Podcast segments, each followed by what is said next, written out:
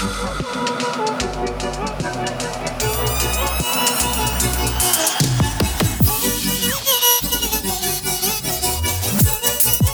okay, guys, shalom. Um, hari ini aku mau bawain firman dengan judul Agree to Disagree. Ya, uh, bagaimana kita sebagai orang Kristen melihat perbedaan pandangan khususnya dalam pelayanan atau kehidupan. Ya, nggak um, bisa dipungkiri namanya orang manusia gitu ya, pasti ada perbedaan pandangan, perbedaan pendapat. Gitu. Ya kalau kalau gue misalnya kasih satu satu kertas uang ya sebentar gue ambil uangnya dulu sebentar. Nih gue ambil uang dari dompet gue misalnya ya lima puluh ribu. Nah ini gue kasih ke Dev gitu ya. Dev lima puluh ribu. Pasti apa yang Dev ya. lihat sama gue pasti beda. Apa yang lu lihat Dev gue lihat ini ya dua lima puluh ribu sih kok maksudnya sebuah hadiah kan? apa ada gambar apa yang lu lihat oh uh, orang nari cewek cowok cewek karena yang gue lihat adalah cowok pakai kacamata. Oh, gitu iya. loh. Jadi pasti pasti Dev yang salah, bukan gue yang salah. Iya. Yeah. Kayaknya Dev kayak Dev kacamatanya butuh di-upgrade. Ada dua sisi Tapi betul. Jadi jadi itulah yang itulah yang sering kali bikin orang berantem. Seringkali yang bikin anak muda berantem tuh itu. Karena masing-masing menganggap pandangannya benar, padahal kita berdua melihat dari sisi yang berbeda gitu loh. Dave merasa enggak pandangan gue bener gue lihat cewek lagi nari gitu loh itu dan gue nggak mungkin bohong dan gue juga bersikeras berkata bahwa enggak yang Dave lihat salah karena yang gue adalah cowok pakai kacamata gitu loh hmm. tentu kalau kita mengerti ya betul karena mata uang memiliki dua sisi yang berbeda ya Artinya apa? Setiap masalah juga sama memiliki dua perspektif yang berbeda, begitu. Nah, kita kalau nggak mengerti hal sederhana seperti ini, udah pasti kita sering berantem sama orang. Gitu. Udah pasti malah bawaannya kita sering berdebat sama orang. Kenapa? Karena masing-masing orang melihat dari perspektif yang berbeda. Ya. Nah, sebelum kita masuk ke dalam firman Tuhan, berarti gue mau establish dulu nih. Berarti kita setuju bahwa manusia pasti punya pandangan yang berbeda. Setuju ya, Dev ya? Ya, setuju. Kalau gue boleh tanya, lu kalau makan es krim, lu paling suka uh, flavor apa? Gue coklat sih gue, klasik aja. Yang paling lu gak suka? Duren. Es duren? Iya. Es krim. Oh, lu gak suka? Lu gak suka? Tapi lu makan duren gak? Enggak, enggak, enggak. Oh, lu gak makan duren? Oke. Okay. Karena bagi gue duren tuh kayak buah surga gitu loh. Jadi kayak ke surga banyak pohon duren pasti. Gitu. Nah, kan seberapapun gue berusaha untuk meyakinkan lu susah kan deh maksudnya gue seberapapun gue berusaha meyakinkan lu ya ya nggak bisa karena emang lu dari sananya nggak suka duren gitu loh ya. Mau dipaksa mau bagaimana lu akan bilang duren nggak enak gitu loh hmm. sedangkan gue pasti akan bersikeras bilang duren tuh enak banget gitu loh nah hmm. berarti ada sudah ada dua pandangan gitu loh ya ada dua pandangan kalau kalau gue tarik ke dalam hal teologi dalam hal pelayanan berarti ada dua pandangan teologi juga kadang-kadang yang sering kali itu nggak nyambung gitu loh.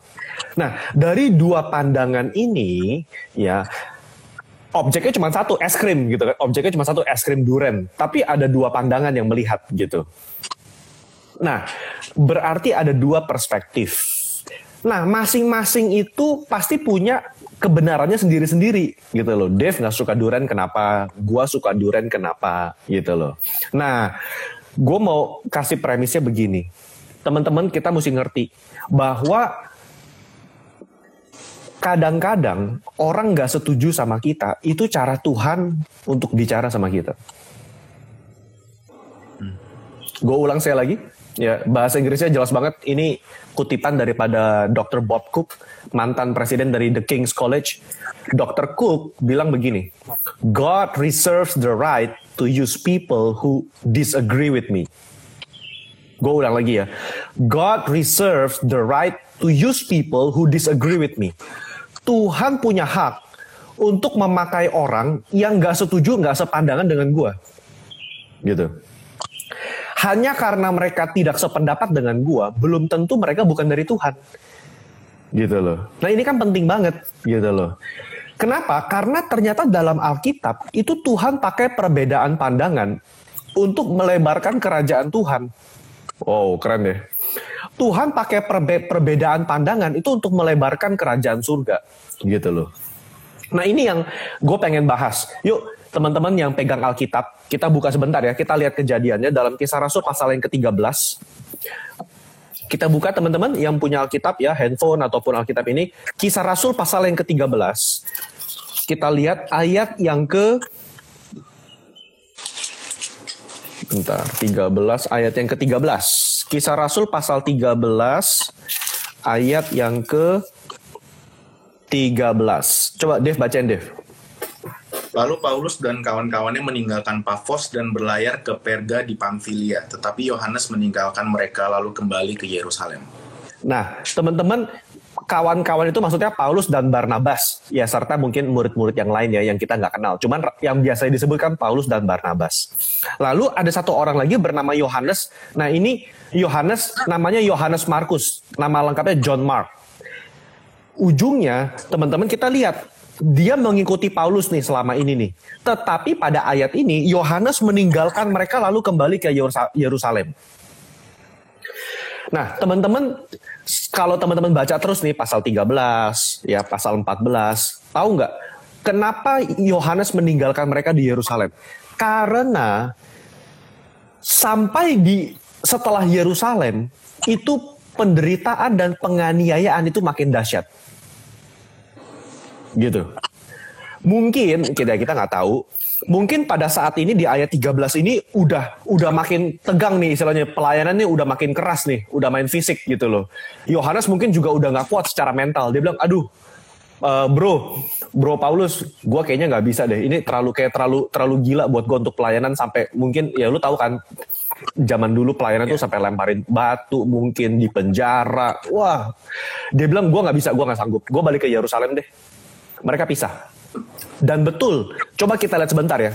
Satu pasal setelah itu, ya, satu pasal setelah itu, ayat yang ke-14, coba pasal ke-14 kita lihat ya. Apa yang terjadi?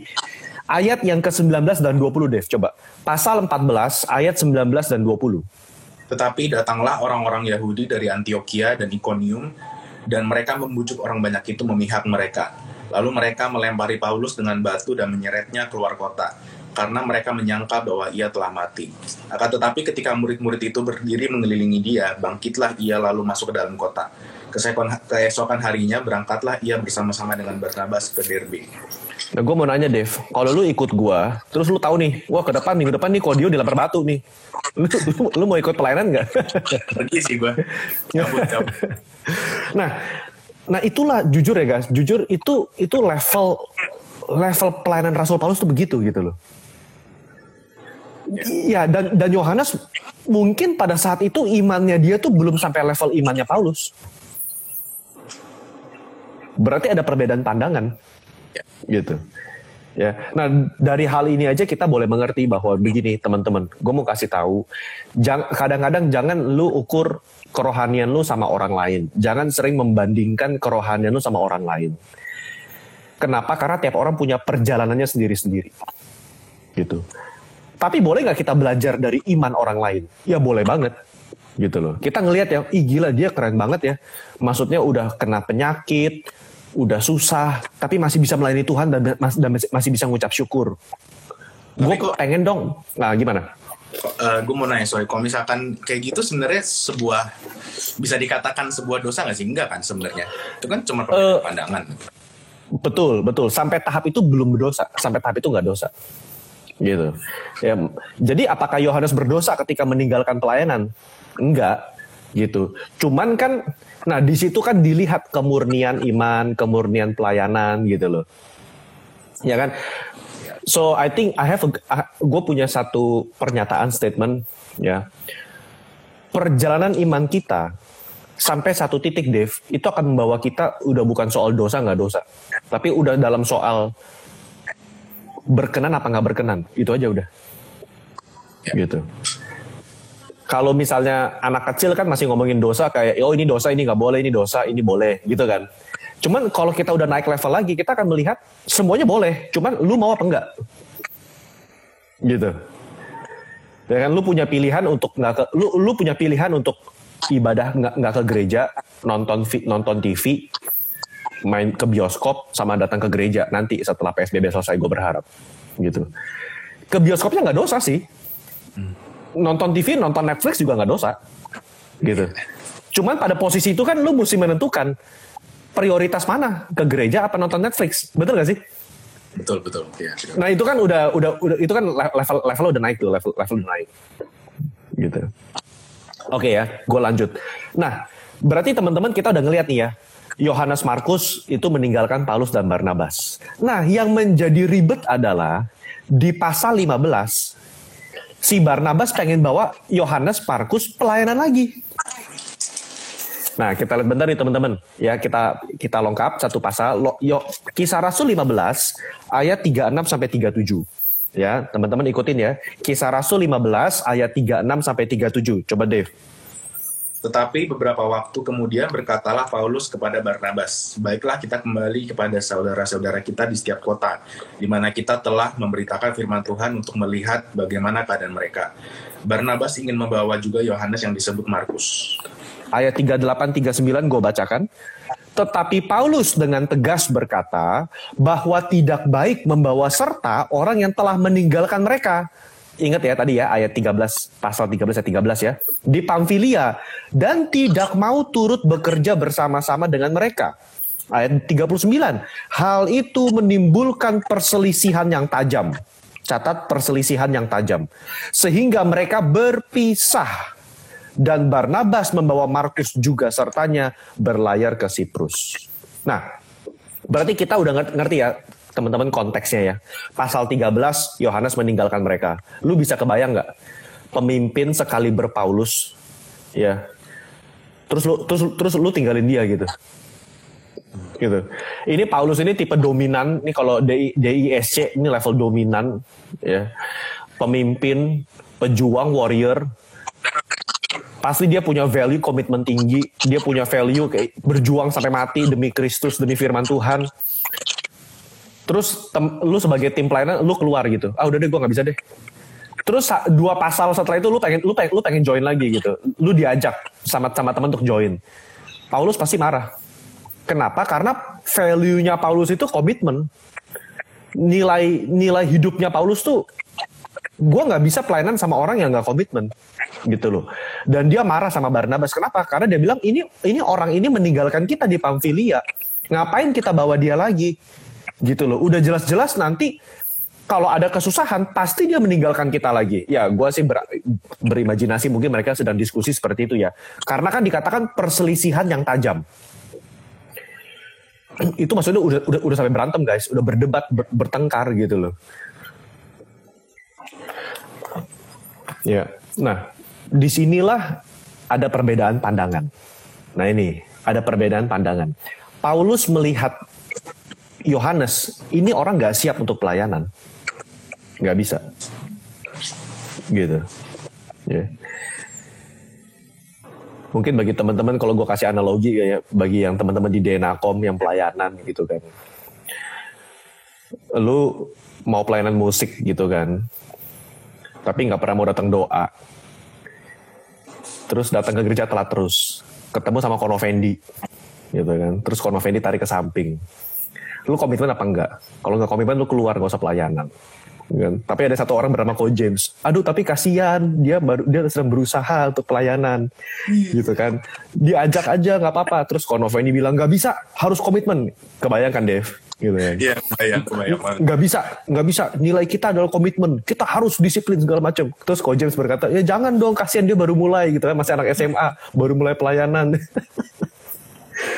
nah di situ akhirnya ber, berselisih tajam kan. Iya, situ aja. Bertengkar dan berdebat. Dan Alkitab mencatat mereka berpisah.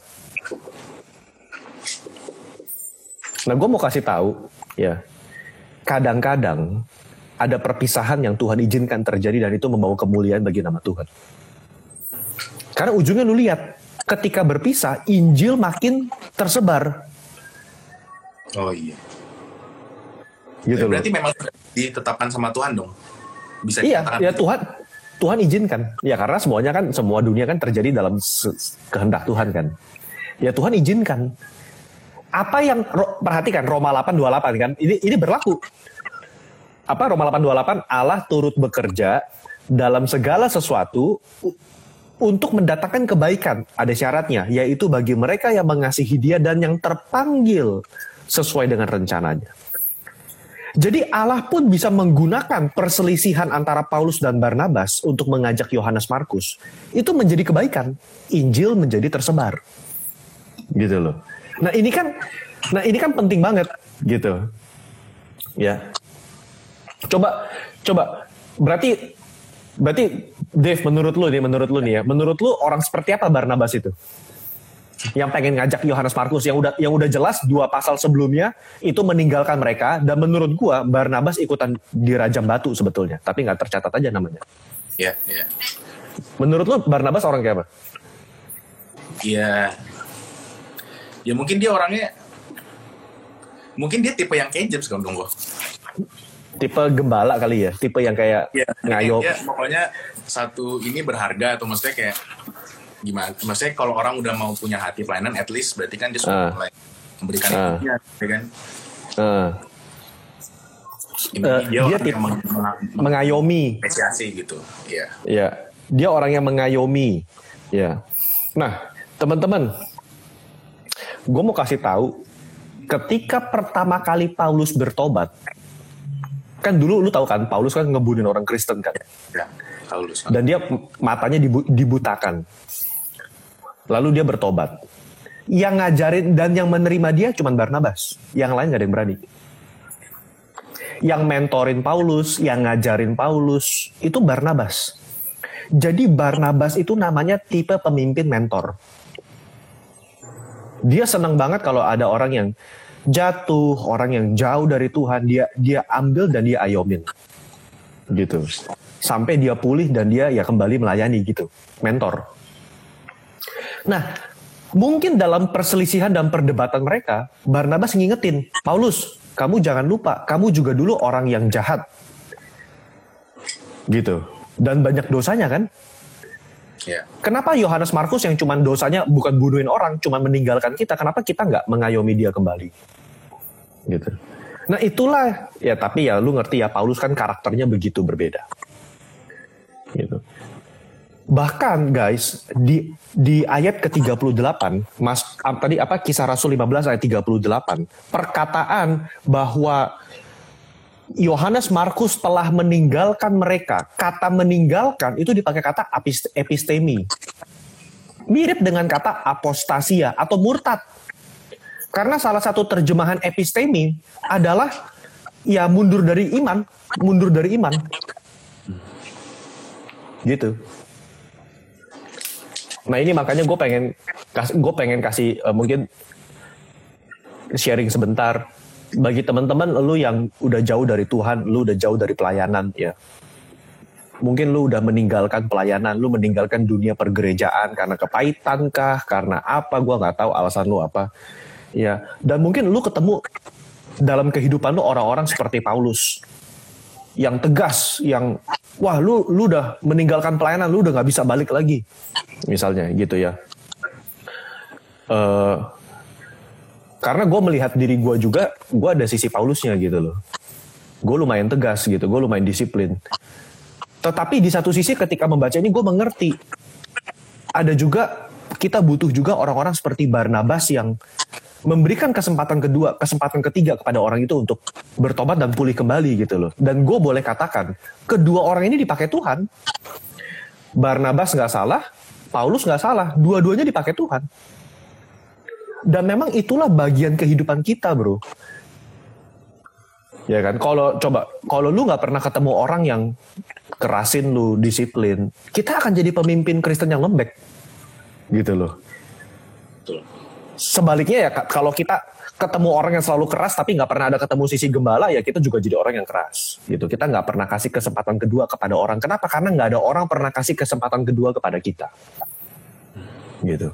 Ya intinya mereka guys berarti intinya mereka berpisah jalan. Ya tadi lu baca ayat 30 39 Barnabas membawa Markus ke Siprus ayat 40 Paulus memilih Silas ya. Akhirnya Paulus pilih Silas dan mereka berpisah.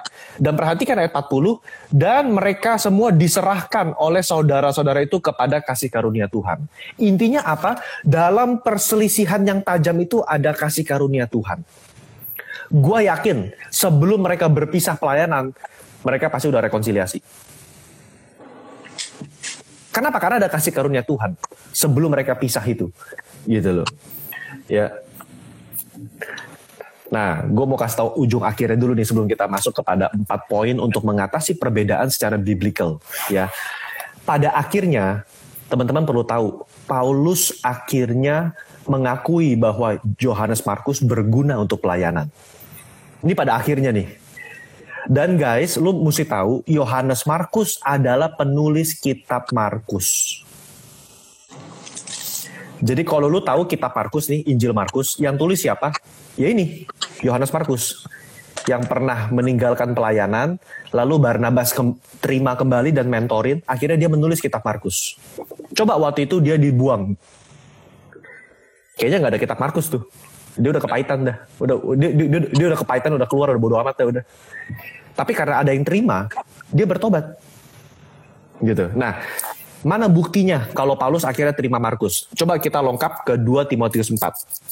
Ya, ini udah surat Paulus salah satu yang surat Paulus terakhir ya 2 Timotius 4. Gue cuma pengen gue cuma pengen kasih tahu bahwa pada akhirnya Paulus pun mengakui dan menerima Markus. 2 Timotius 4 ayat yang ke-11. Coba deh baca. Hanya Lukas yang tinggal dengan aku. Jemputlah Markus dan bawalah ia kemari, karena pelayanannya penting bagiku. Widih, pada akhirnya pelayanan Markus penting loh bagi Paulus. Tapi setelah melewati perselisihan yang tajam itu. Berarti Dev, berarti Tuhan bisa pakai perselisihan untuk untuk memproses kita juga kan? Ya, pasti. Gitu. Nah, sekarang gue masuk ke dalam empat empat cara untuk mengatasi perbedaan. Kalau lu semua mungkin ada perbedaan pandangan, kalau lu udah mengalami seperti apa yang Paulus dan Barnabas alamin gitu loh. Ya, ada empat ada empat hal yang perlu kita perhatikan. Ya, yang pertama teman-teman ya adalah sisakan ruang untuk opini yang berbeda.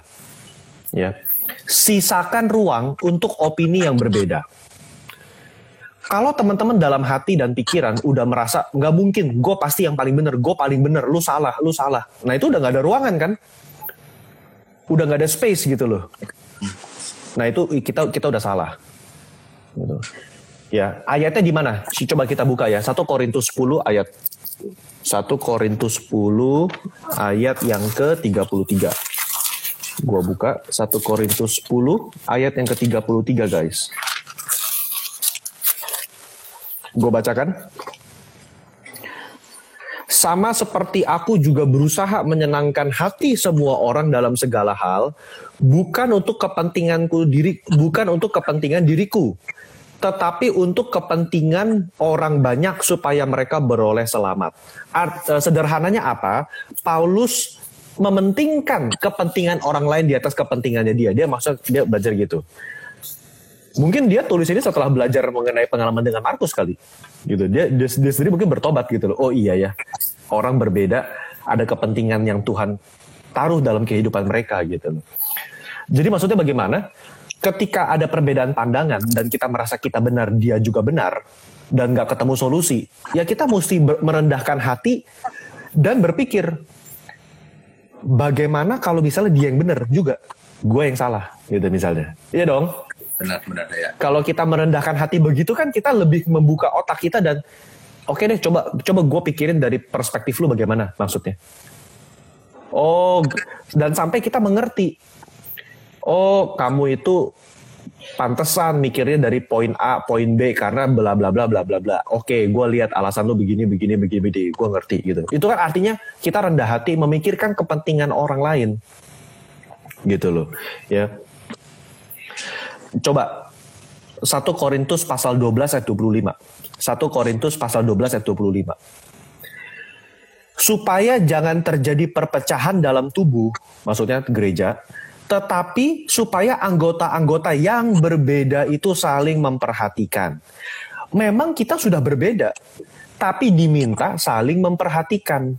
Nah, artinya kita saling siapkan ruang untuk memang berbeda pendapat.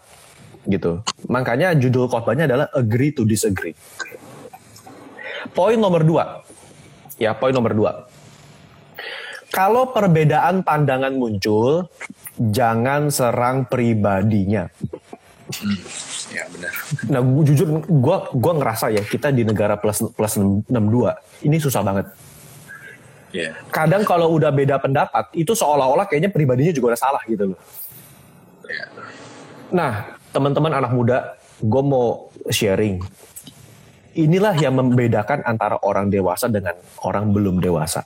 Orang dewasa adalah mereka yang bisa berbeda pendapat tetapi tetap bersahabat kita bisa berbeda pandangan, tetapi kita nggak masalah dengan pribadinya. Gitu. Kadang-kadang kita kalau udah pakai pribadi itu, wah lu beda sama gua, gue benci lu segala macam. Nah itu udah serang pribadi tuh. Gitu. Padahal kan ya berbeda nggak ada masalah gitu. Ya kan, berbeda nggak ada masalah. Bagaimana caranya kita minta kasih karunia Tuhan? Sebagaimana tadi tuh ketika Paulus Paulus kan sama Silas pisah, Barnabas sama Markus pisah. Ayat 40 dikatakan apa? Dan saudara-saudara atau jemaat Tuhan menyerahkan mereka dalam kasih karunia Tuhan. Artinya apa? Di dalam perbedaan opini, kita minta the grace of God covers our heart and our mind. Gitu loh. Kita minta kasih karunia Tuhan membungkus hati dan pikiran kita bilang Tuhan, gue gue kayaknya berbeda pendapat dan gue nggak dan gua, dan ini kayaknya berbeda lumayan keras Tuhan lumayan tajam gue minta kasih karunia Tuhan menaungi gue supaya gue nggak salah langkah wah kalau udah bisa doa begitu kan kita nggak marah-marah kita nggak kita kita di, istilahnya kita mendinginkan kepala gitu loh ya, jangan sampai Tuhan walaupun gue berbeda gue nyerang pribadinya gue nggak mau gitu loh ya kan makanya yang gue senang adalah kita debat boleh beda tapi jangan berantem gitu loh. Yeah. Itu kan dewasa gitu. Oke lanjut. Poin nomor tiga, ya. Kalau ternyata setelah berbeda pendapat dan berselisih, hasilnya tidak seperti apa yang kita mau, tolong jangan ngambek. Ya. Tolong jangan egonya ketinggian enak kalau udah berbeda pendapat, udah berantem, udah debat, terus kita yang menang. Enak gitu kan. Tapi andai kata kita yang kalah gimana? Kita yang salah. Ya harus terima. Ya, tolong ya, ya harus terima. Ya ego lu jangan ketinggian gitu loh. Ya kan? Nah, apa sih yang kadang-kadang bikin ego kita tuh tinggi gitu? Selain memang karena kita manusia ya, kita orang egois. Karena hati kita ada yang nggak beres di hadapan Tuhan berarti begitu ego kita tinggi, kita udah pasti coba cek dalam hati kita. Eh, gue ini sebetulnya nih lagi berusaha membela hati gue atau membela Tuhan? Coba Paulus. Saat itu Paulus itu lagi ngebela dirinya apa lagi ngebela firman tuh penyebaran firman. Paulus lagi ngebela penyebaran firman. Jadi begitu Markus diterima lagi oleh Barnabas, ya Paulus merasa ya udah, ya udah nggak apa-apa gitu loh. Yang penting yang penting firman Tuhan diberitakan. Nah, coba kalau Paulus egonya tinggi banget. Kalau kayak anak muda sekarang, udah kok gue ngambek, gue nggak gue gue nggak mau pelayanan lagi. Kalau selama ada dia gue stop. Ya, gimana? Jadwal minta dipisah, iya. Kok tolong kok jadwal gue dipisah. Ya, gimana? Berarti kan, nah, maksudnya ya ini kan proses proses kedewasaan. Maksud gue, ya jangan gitu dong gitu loh Ya oke, okay, gue ngerti mungkin rada, rada risih. Oke okay lah kita pisah misalnya sebulan dua bulan pertama. Tapi masa pisah lima tahun ke depan nggak mau ketemu terus kan? Nah itu berarti ada akar pahit itu. Ya dong, ada ada something going on. Ayatnya di mana? Ibrani 12. Ibrani pasal 12 ayat 15. Ibrani pasal 12 ayat 15. Coba kita lihat sebentar. Coba Dev baca Dev. Ya. Jagalah supaya jangan ada seorang pun menjauhkan diri dari kasih karunia Allah, agar jangan tumbuh akal yang pahit, yang menimbulkan kerusuhan dan yang menyemar, mencemarkan banyak orang. Coba baca satu ayat sebelumnya, ayat 14. Berusahalah hidup damai dengan semua orang dan kejarlah kekudusan, sebab tanpa kekudusan tidak seorang pun akan melihat Tuhan. Nah, gue mau sharing kepada semua pelayan Tuhan, khususnya pelayan Tuhan di mimbar, dari ayat 14. Kalau lu nggak bisa hidup damai, ada masalah, ada unek-unek, ada kepahitan, ada hubungan antara hidup damai dengan kekudusan. Jadi kudus bukan cuma soal dosa nonton porno, kalau lu hidup lu nggak damai, lu nggak bisa ngejar kekudusan. Dan kalau lu nggak mengejar kekudusan, tidak ada seorang pun yang bisa melihat Tuhan. Artinya begini, lu PPW di depan mimbar, lu nggak akan merasakan hadirat Tuhan. Hanya karena lu ada kepahitan. Hanya karena hidup lu nggak damai. Lu kebayang gak sih kayak lu hidup kayak nyimpen marah, nyimpen kesel, terus lu, lu disuruh WL. Mana bisa? Nggak akan bisa guys. Yang ada malah kita kayak bonafik gitu loh. Ya. Jadi makanya poin ketiga adalah kalau memang setelah berdebat, setelah berselisih ya dalam yang konstruktif ya, yang positif, ujungnya ujungnya nggak sesuai dengan apa yang kita harapkan. Ya udah jangan ngambek, dewasa, move on gitu loh. Udah beres.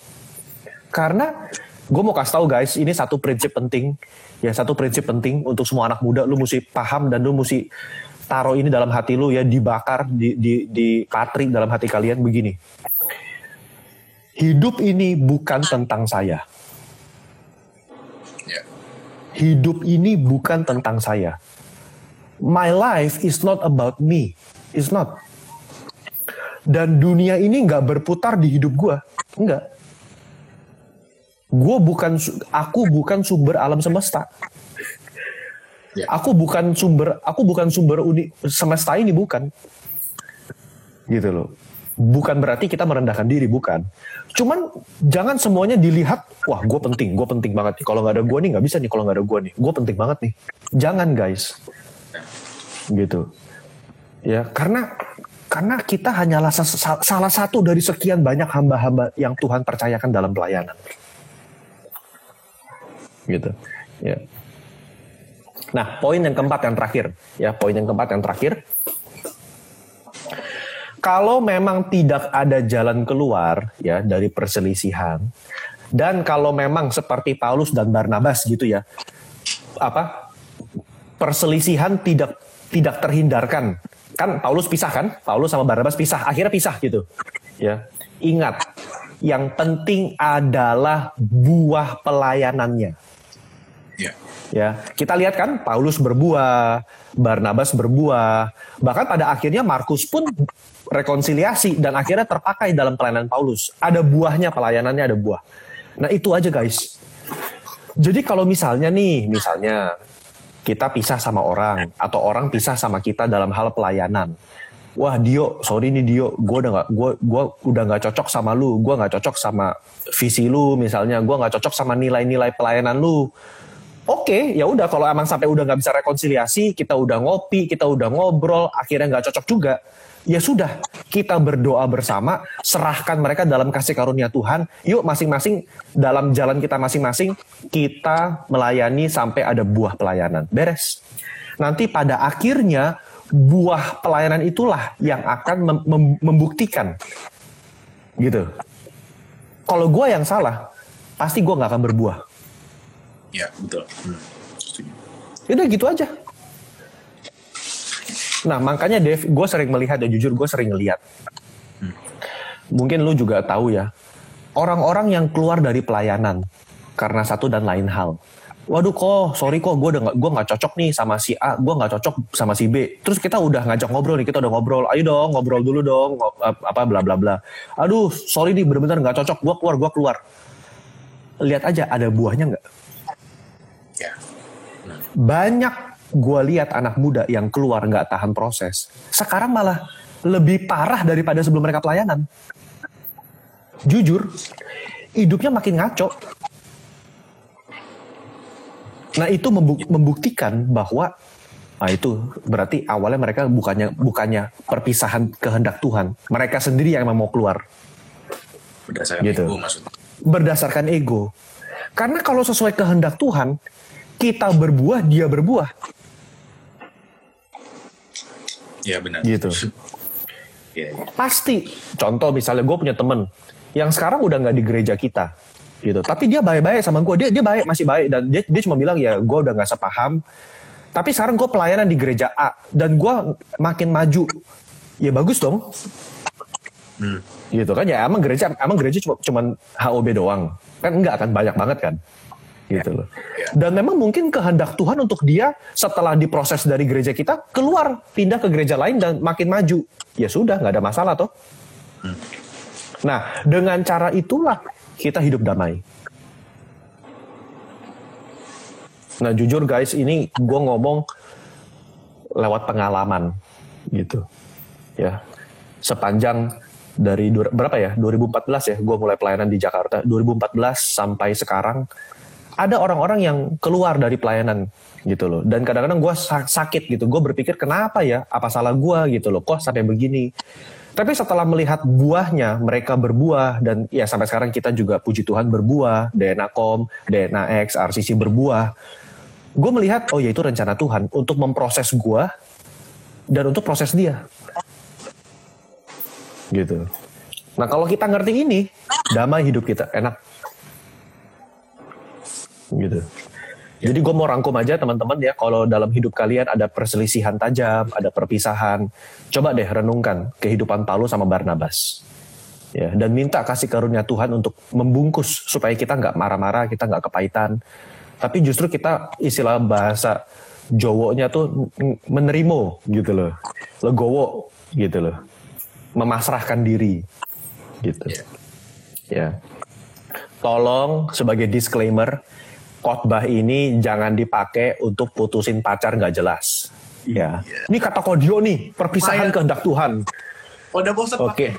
Udah bosan. Nah, ini tolong ya itu itu berarti kamu itu mempergunakan firman Tuhan dengan sembarangan. Oke, okay, ini, ini gue udah kasih disclaimer nih ya. Gue udah kasih disclaimer.